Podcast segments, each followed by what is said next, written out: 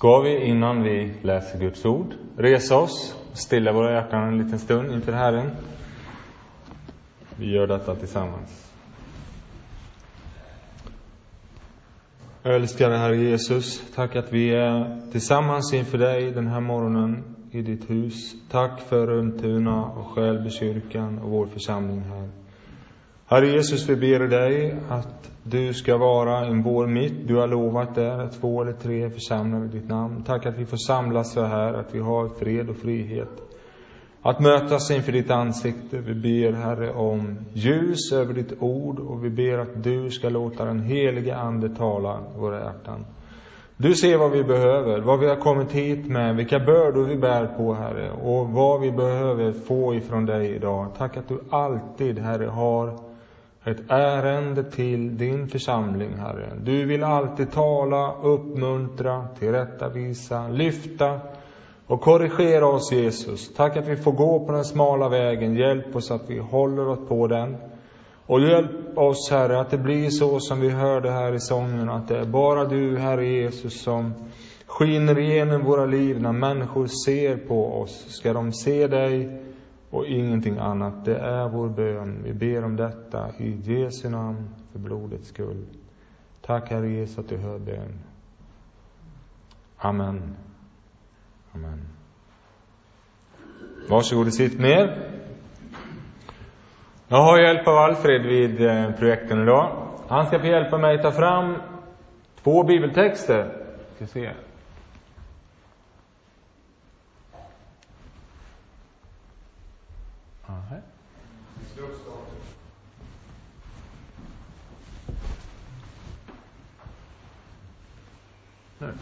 Så.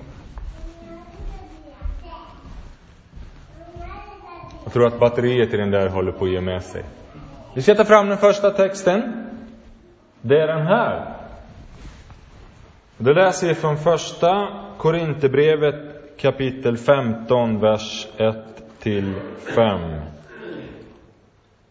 Första Korinthierbrevet 15, vers 1 till 5.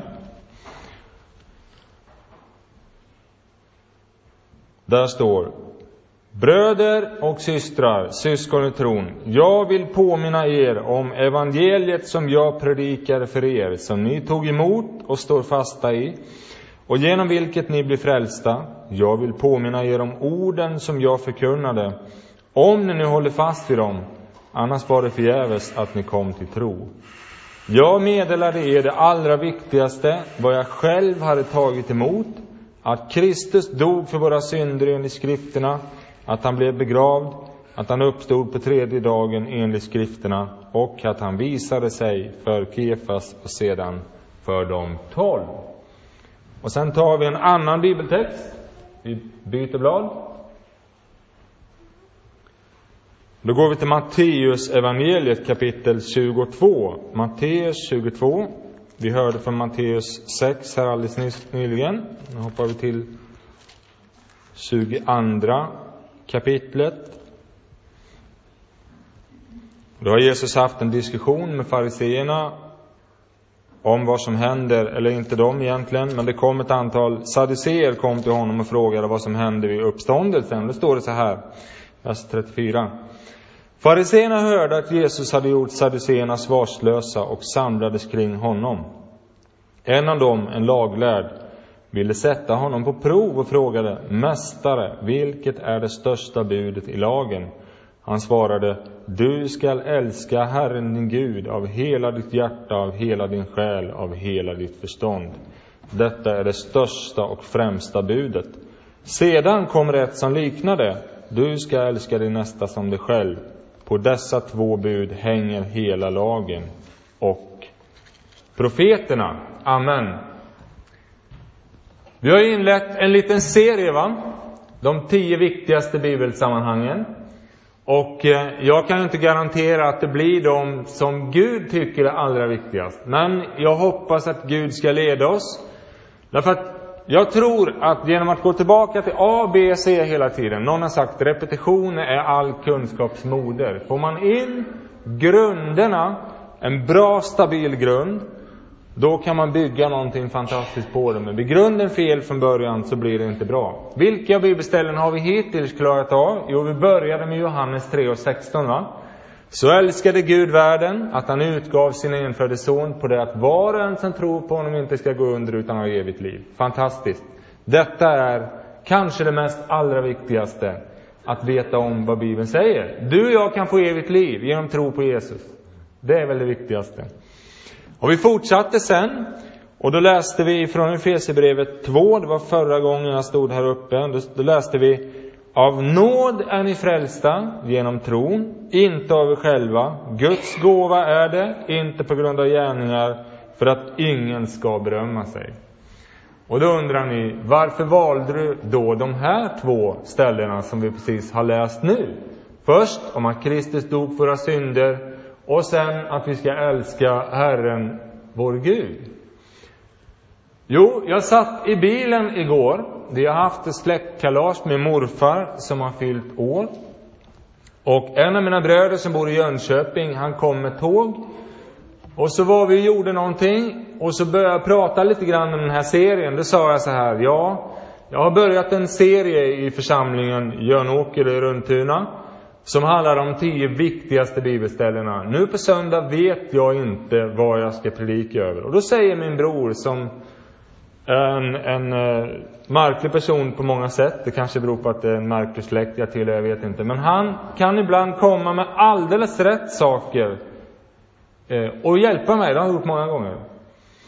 Och då sa han så här, ja, det måste ju vara det där med att det viktigaste måste ju vara när Jesus diskuterar om vilket som är det största budet. Det satte igång min tankeverksamhet. Och då när jag läste det här, då fick jag också en tanke jag kom på. Det står faktiskt på ett annat ställe om det som är det allra viktigaste. Och då tänkte jag, okej, okay, de här två ställena tar vi idag nu. För de ser inte ut att hänga ihop, men jag tror att de gör det. För hur ska man veta vad som är viktigast? Vi har en bok här med massor av verser, kapitel och böcker och författare. Gud har inspirerat alltihopa. Hur ska vi veta vad som är det allra viktigaste? Och det märkliga med det vi precis har läst, är att det här är bibelställen som pekar ut sånt som är bland det allra viktigaste. Själv. När jag valde Johannes 3.16 och Fesebrevet 2, då gick jag på vad jag trodde var andningsinspiration. Jag hoppas att det är det. Men här säger Jesus och Paulus någonting om vad som är det allra viktigaste. Och det måste vi väl ha med. Vad betyder de här bibelställena? Jesus säger att budet att älska Herren och vår nästa är det största i Gamla Testamentet. Det var ju det de diskuterade. När fariseerna hörde att Jesus hade gjort de andra svarslösa samlades de och de frågade Mästare, vilket är det största budet i lagen? Alltså, de som levde på Jesu tid, de hade bara en halv bibel. Och när de frågar Jesus, vad är det viktigaste vi har med oss? Jo, det är detta, säger Jesus då. Om vi går tillbaka då till den andra bilden. Så säger Paulus sen efter Jesu död och uppståndelse, när han skriver till församlingen i Korint, som han har varit med och grundat. Då säger han då att evangeliet om Jesu död och uppståndelse är det viktigaste. Och det blir det viktigaste då i Nya Testamentet. Här har vi då det gamla och det nya förbundet. Jesus pekar tillbaka på det gamla förbundet, säger att älska Herren och Gud är det viktigaste. Och Paulus säger det nya förbundet är att Jesus dog för våra synder är det allra viktigaste. Det här hänger ju inte ihop kan man tycka. De här bibelställena handlar om helt olika saker, ytligt sett. Hur ska vi nu få ihop det här? Var det dumt av mig att ta båda bibelställena i samma predikan? Mycket möjligt, men det blev så nu i alla fall. Låt mig bena ut det här lite grann. Budet att älska Herren vår Gud är det viktigaste som finns i Gamla Testamentet. Och evangeliet om Jesus att han har dött för min synd är det viktigaste som finns i Nya Testamentet. Och trots att de här två sakerna inte ser ut att höra ihop, så kan vi faktiskt konstatera då att detta är det allra viktigaste. Och det finns skillnader här emellan. När Jesus pekar tillbaka på lagen och säger det här var det viktigaste i det gamla förbundet, älska Herren vår Gud, så tar det ett avstamp i vad du och jag ska göra. Ser ni det? Du skall älska Herren din Gud. Men när Paulus pekar tillbaka på korset så, så pekar han på vad Gud har gjort för att vi ska hamna i rätt förhållande till honom. Det här är en stor skillnad mellan det gamla och nya förbundet vi måste ha med oss. Någon har sagt att mycket religion handlar om att ta en stege och resa den mot himlen och försöka klättra upp till Gud. Men när Jesus dör på korset så är det en beskrivning för att Gud har själv en stege i himlen som når ända ner till jorden, som han har ställt ner. Och så klev han ner istället till oss. Alltså Gud har vänt på det hela. Från att ställa frågan vad vi kan göra, så har han gjort allting. Och så har han inbjudit oss att ta del av det. Så det är en viktig skillnad mellan de här två viktiga bibelställena. Det ena handlar om vad du och jag ska göra, och det andra handlar om vad Gud har gjort. Mm. Men trots att detta ytligt sett inte hänger ihop, så hänger de ihop i allra högsta grad. Och nu hoppas jag att du följer med, för nu kommer vi göra en kullerbytta här. Jag vill påpeka det här. Budet att älska Herren över allt annat.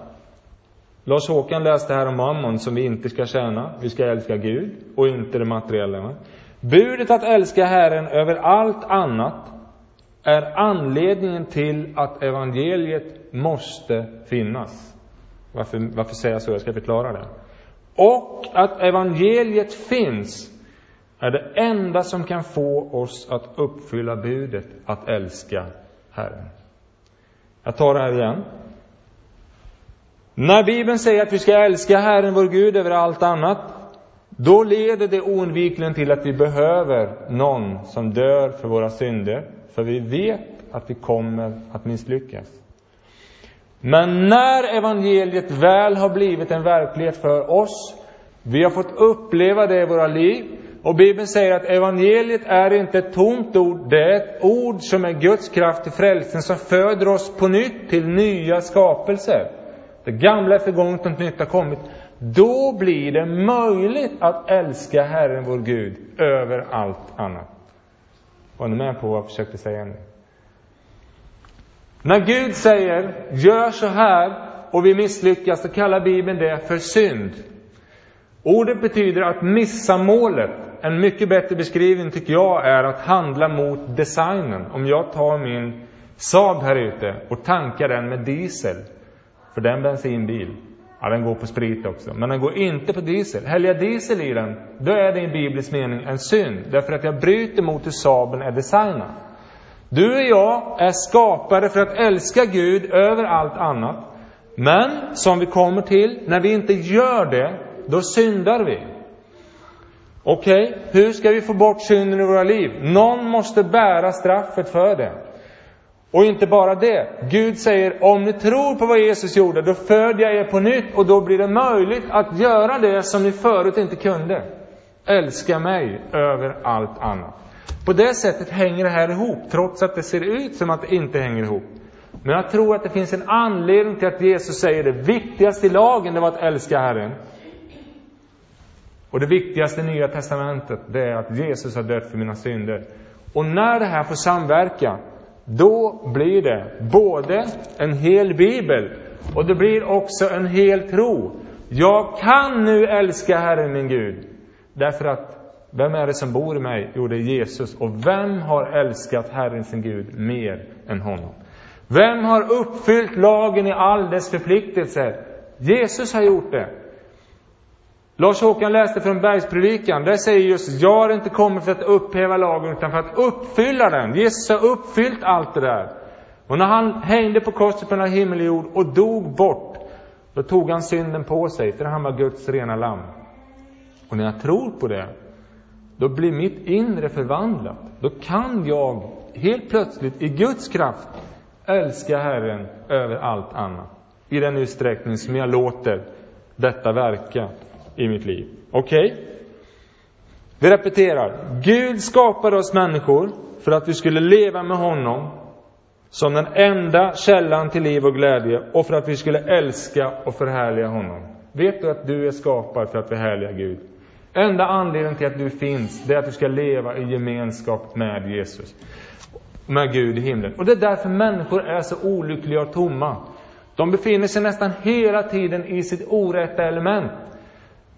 Se ut i världen, allt handlar om att självförverkliga sig. Och ju mer människor förverkligar sig själva, fokuserar på sig själva, tränar hårt, är vackra och framgångsrika, ju mer olyckliga blir de. Därför att de är inte skapade för att ägna sig åt sig själva. De är skapade åt att ägna sig åt Gud. Och när man gör det, då mår man bra. Det gör man. Men som vi vet, Bibeln säger bland annat att människan istället valde att älska sig själv istället för skaparen. Att börja dyrka och tjäna skapelsen, inklusive sig själv, istället för skaparen. Man kan läsa om det i Romarbrevet 1-25. Den bytte ut Guds sanning mot lögnen. Tog sig för att tjäna det skapade istället för skaparen. Då gör Gud så här. När människan går bort ifrån sig, då ger han oss lagen, vars ena uppgift är att lära oss vad som är rätt och fel för att få oss att göra rätt. Och det främsta budet var då att älska Herren och vår nästa. Och det blir någon slags sammanfattning av allt Gud vill med våra liv. Men Paulus skriver att lagens främsta uppgift var att uppenbara synden i människan genom att ställa oss inför ett krav som vi inte kunde uppfylla. Det är som att be någon hoppa höjdhopp upp till månen, i princip. Det går inte. Det här är vad Gud vill. Men du och jag kan inte uppfylla det. Därför gavs lagen. För att vi skulle se att här kommer vi till korta. Även om jag med mitt intellekt vill älska Herren min Gud, så har jag krafter inom mig som drar mig åt ett annat håll. Jag slits mellan de här två naturerna. Det finns gott i mig därför att Gud verkar och vill leda mig och hjälpa mig. Men jag har en gammal människa som ständigt drar mig och får mig att ständigt falla. Hur ska detta lösa sig? Och har jag brutit mot ett bud, säger Bibeln, då har jag brutit mot alla. Eftersom lagen då inte kunde frälsa oss genom att vi uppfyllde budet att älska Herren, då behövde evangeliet komma in. Nu är jag tillbaka på det som vi pratade om. Evangeliet beskriver innehållet i ett nytt förbund där synden försonas genom Jesu blod och människan kan bli född på nytt och bli en ny skapelse genom omvändelse tro. Och alltså, när evangeliet kommit in i människans liv och hon sätter tro till det, då kommer Gud ge henne ett nytt hjärta, en ny natur, som inte bara vill utan kan uppfylla buden. I likhet med Jesus. Och framför allt det högsta budet, att älska Herren vår Gud och vår nästa som oss själv. Det är ju det Jeremia profeterar om i Jeremia 31. Dagar ska komma, säger han, då jag ska sluta ett nytt förbund med Israel och Judahus, och du och jag har blivit inlemmade där, va? Inte ett sådant förbund jag slöt med Israels folk när jag förde dem ut ur Egyptens land. Utan vad var det nya förbundet? Det var inte bokstäver på tavlor, på stentavlor. Det var bokstäver i våra hjärtan. Jag ska skriva min lag i deras hjärtan och jag ska förlåta dem deras synder och aldrig mer komma ihåg dem. Så på det sättet kopplas de här viktigaste sakerna i gamla och nya förbundet ihop. Det ena, budet att älska Gud, leder till det andra, att vi behöver en försonare. Och när vi tror på honom så leder det tillbaka till det Gud en gång sa att vi ska älska Herren vår Gud över allt annat. Det ena leder till det andra som sen leder tillbaka. Och då blir det en helhet. Du och jag kan på grund av vad Jesus har gjort älska Herren vår Gud av all vår kraft, vår själ och vårt förstånd. Och när vi lyckas göra det, då är det nåd. Och när vi misslyckas, så bär Gud oss med sin nåd i allt detta som vi har läst i Efesierbrevet. Nu vill jag säga något kort om vad det här betyder. Jag har ju hållit på länge redan. Men jag ska, jag ska säga något kort om vad betyder det att Kristus dog för våra synder? Och sen ska vi avsluta att älska Herren vår Gud. För det här är vad vi behöver för att kunna älska Herren. Vi kan inte göra det annars. Vi behöver evangeliet om Jesus. Och då vill jag bara förklara snabbt. Vad är det här? Han säger, jag vill påminna er om evangeliet. Vet du vad det ordet betyder? Det betyder det glada budskapet. När en härförare hade vunnit en stor seger på den här tiden och man skickade en budbärare då in i någon stad och sa segern är vunnen. Då, var det, då kallade man det för en evangelist. Man kom med ett glädjebud. Och nu har Gud kommit med ett glädjebud. Han sänt sin son med evangeliet. Och så sänder han oss också. Och säger han, jag har vunnit seger. Det finns en vän och det är det här som har predikats för er. Paulus vill påminna dig och mig om att det var detta du tog emot. Att vara en kristen är inte i första hand att du har gått i kyrkan hela ditt liv eller du är uppvuxen i en kristen familj. Det har att göra med din relation till det glada budskapet. Har du hört det? Och det står också, det som ni tog emot. Vi säger det när människor upplever frälsning, att de tog emot Jesus. Det är fantastiskt, men det handlar lika mycket om att ta emot budskapet om vad Jesus har gjort. Vilken Jesus är det vi har kommit till tro på? Jo, det är den Jesus som har dött och uppstått för mina synder. Vi kan ha alla möjliga uppfattningar om vem Jesus är, men detta är Bibelns Jesus. Jag läste en bok för många år sedan som hette Evangeliernas Jesus. Alltså Jesus och evangeliet hänger ihop. Det var Kristus som dog för våra synder. Och så säger han, jag vill påminna er om det. Vi behöver ständigt göra det. A, B, C. Detta är det allra viktigaste. När lärjungarna, upprymda över att de har upplevt fantastiska saker, ett ställe i evangelierna, kommer tillbaka och säger till Jesus här, Herre, det är fantastiskt. Till och med de onda andarna lyder oss i ditt namn. Då lugnar Jesus ner sig lite, säger han så här, gläder inte så mycket över det. Gläder över att era namn är skrivna i himlen. Det är det allra viktigaste. Och när du och jag vänner glömmer bort det, att allt är av nåd, av nåd är vi frälsta, och det är evangeliet vi har tagit emot, och vi börjar bygga vårt liv på andra saker. Det kan se väldigt bra ut i en början, men det blir skakigt. Och det blir inte bra. Tillbaka till evangeliet. För han säger, genom det blir vi frälsta. Romarbrevet 1.16 att evangeliet är Guds kraft till frälsning för var och en som tror. Alltså själva budskapet om att Jesus har dött och uppstått. Bara talet om det finns det kraft i. Det är när människor får höra det och förstår det och den heliga Ande får överbevisa människor om att Jesus har burit min synd. Och han har uppstått för att ge mig ett eget liv, evigt liv. Och när det tar tag i människor, det för människor från mörker till ljus. Evangeliet är det som frälser. Och därför säger han, det ska hållas fast vid det, eller hur? Jag vill påminna er om det jag förkunnade, om ni nu håller fast vid det. Evangeliet är som en livboj, mina vänner. Du och jag har hamnat i vatten när vi sjunker och det enda vi har att ta tag i är en livboj. En illustration jag hört som jag tycker är bra. När man byggde de stora skyskraporna förr i tiden i New York.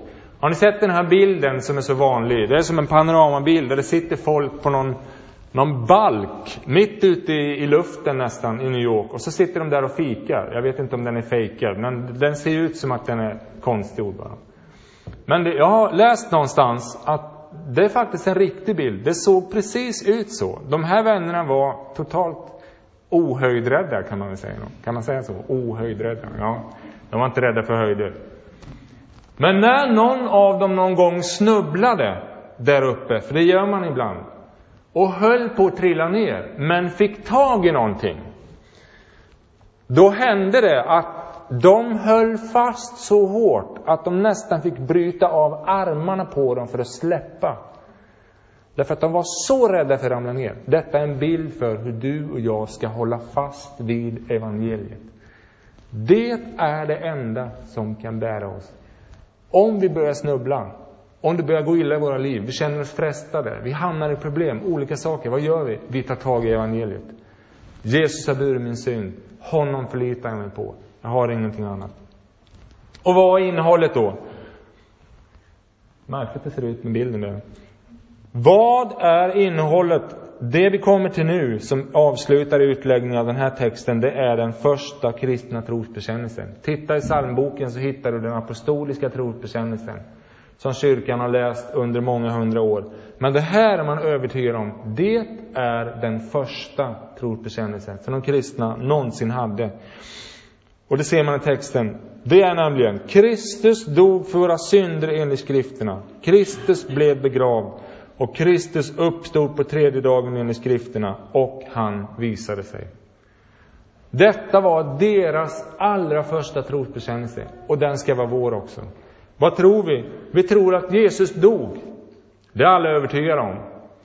Det finns romerska historiker som har skrivit om att Jesus har dött, så alla vet att han har dött. Men alla vet också att graven är tom. Men frågan är, varför dog han?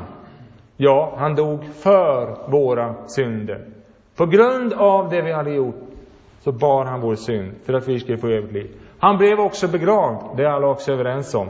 Sen då, när han uppstod, där går meningarna isär. Men vi tror att han verkligen har uppstått, eller hur? Och att han lever idag. Det är därför vi är samlade här. Församlingen här och på alla platser under alla tider finns av en enda anledning. Vi tror att Jesus lever. Tar vi bort den lilla biten, då är allting meningslöst. Men just för att vi tror att han lever, därför samlas vi. Och han också visade sig för de elva och för ett antal personer efter sin uppståndelse. Detta var deras första trosbekännelse. Om någon frågar dig, jaha, du är kristen, vad, vad innebär det? Det är det här du ska berätta. Och ja, det är inte att vi går till kyrkan, att vi har trevligt och bra, för det har vi. Utan det är det här. Jesus dog för min synd. Han har uppstått. Och jag tror att om jag tror på detta så får jag evigt liv. Så enkelt är evangeliet. Och därför blir det så svårt för mig och för dig många gånger när vi ska förmedla detta. Därför bör vi påminna oss om det. Jesus har dött för vår synd. Och när vi tror på detta, då kan vi gå tillbaka till det största budet. För då vill Jesus ge oss kraft att helt enkelt leva på det sättet. Om vi går tillbaka till Matteus 22 då. Och då börjar man diskutera, Jesus och de här skriftlärda, vad är det största budet i lagen? Och då säger Jesus när han förklarar det här att det största budet är grekiska megas, det betyder någonting som är stort. Och han säger också att det är det främsta budet, det största och det främsta. Så på samma sätt som i fallet med evangeliet som det allra viktigaste som Paulus förde vidare, så undrar en laglärare här, vilket bud i lagen som Jesus ansåg var den allra viktigaste? Och då svarar Jesus, han understryker att betydelsen av att älska Gud är det allra viktigaste. Det är det första och det största. Det var inte det första Israel fick höra, men det är det allra största och viktigaste. Så vad Gud vill se hos människor är först och främst kärlek till honom själv och sedan kärlek till människorna.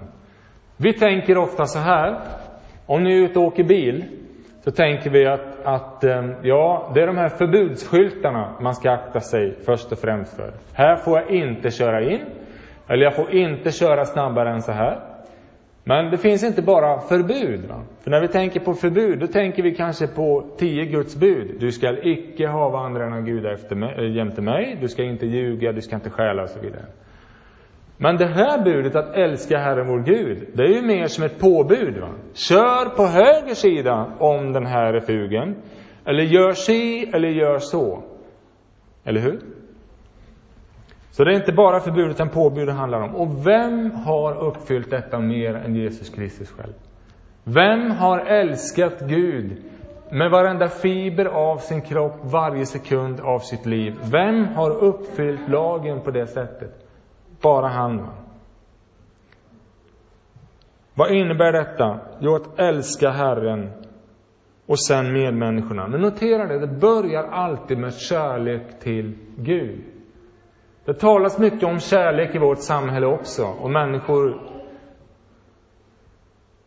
Människor pratar mycket om kärlek, och, men det blir väldigt mycket fokus på kärlek mellan människor. Bibeln talar om att den sanna kärleken börjar alltid med relation med Gud. Och sen kan det ge en effekt mellan oss människor. Vi är skapade för att älska Gud först och främst och utifrån det så kan vi sedan leva i en kärleksfull gemenskap med varandra. Och då säger Jesus, det ska vi göra av hela vårt hjärta, av hela vår själ och hela vårt förstånd. Här understryker Jesus någonting som är viktigt genom att använda upprepningar, som jag var inne på förra gången. Han talar om att människan från tre olika håll i sitt väsen skall älska Gud.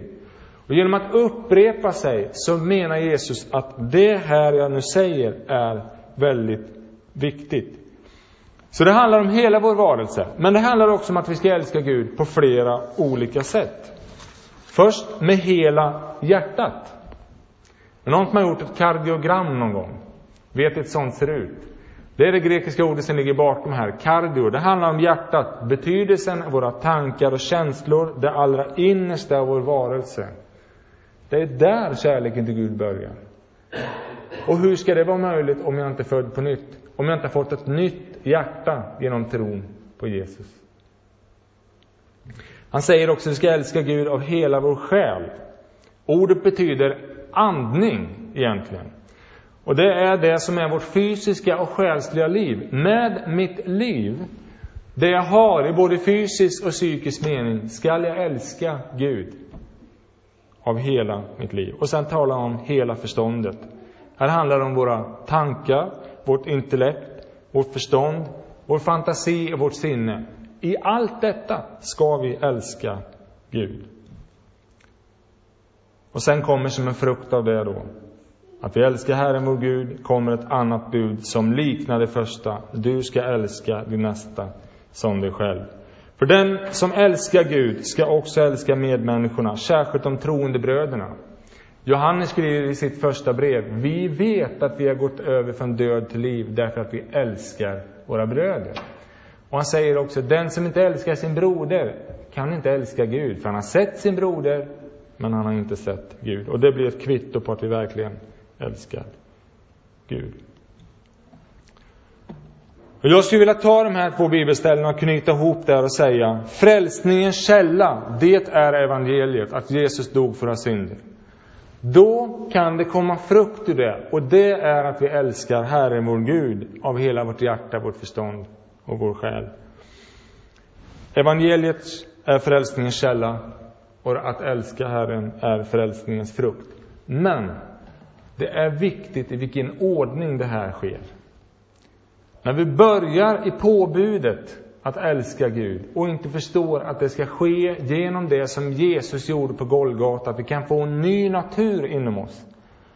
Då blir det bara ett påbud. Och Bibeln visar oss, lagen kan inte frälsa dig och mig.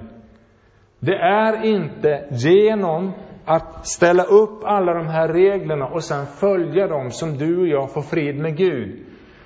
Utan det är att vända på steken. Gå till Gud och säga, Herre, det här klarar inte jag. Men jag ser upp till korset, vad din son har gjort för mig där. Och jag ber om att du ska föda mig på nytt. Så att mitt hjärta blir annorlunda och att jag sen får uppleva att jag kan börja göra din vilja. Så många människor har gått vilse där, även i frikyrkan. Det blir lagiskt. Alternativet blir ibland att det blir laglöshet. Vi har ju den tendensen vi människor. Vi kryper från det ena diket till det andra. Antingen är vi lagiska, eller också är vi laglösa. Men mitt på vägen så sker en kombination här. Jesus föder oss på nytt av nåd och sen säger han, jag har en vilja för dig. Genom min kraft kan du få älska Herren, din Gud, av hela ditt hjärta, ditt förstånd och din själ. Och det är möjligt därför att jag har gjort det. Och jag vill forma dig med min ande. Jag vill göra dig mer lik mig. Så att du kan älska så som jag har befallt. Viktigt att det sker i rätt ordning. Så budet att älska leder ofrånkomligen till att vi behöver en försonare. Men när vi är försonade, då kan vi älska som Gud har tänkt. Amen. Låt oss be. Jesus Kristus, jag tackar dig för att du har burit våra synder på ett kors på Golgata. Och tack att i kraften från Golgata så finns möjlighet att få bli född på nytt och bli en ny skapelse i tron på dig. Herre, lär oss i din efterföljd att älska Herren vår Gud av hela vårt hjärta, vår själ och vårt förstånd och vår nästa som oss själva. Herre, hjälp oss att inte fastna i vare sig lagiskhet eller laglöshet. Tack att du är laggivaren, men du är också livgivaren. Du är den som föder på nytt och som förvandlar våra hjärtan och gör oss till nya skapelser i dig. Lär oss att gå på den smala vägen, ledda av dig. Vi ber om det. I Jesu namn. Amen. Amen.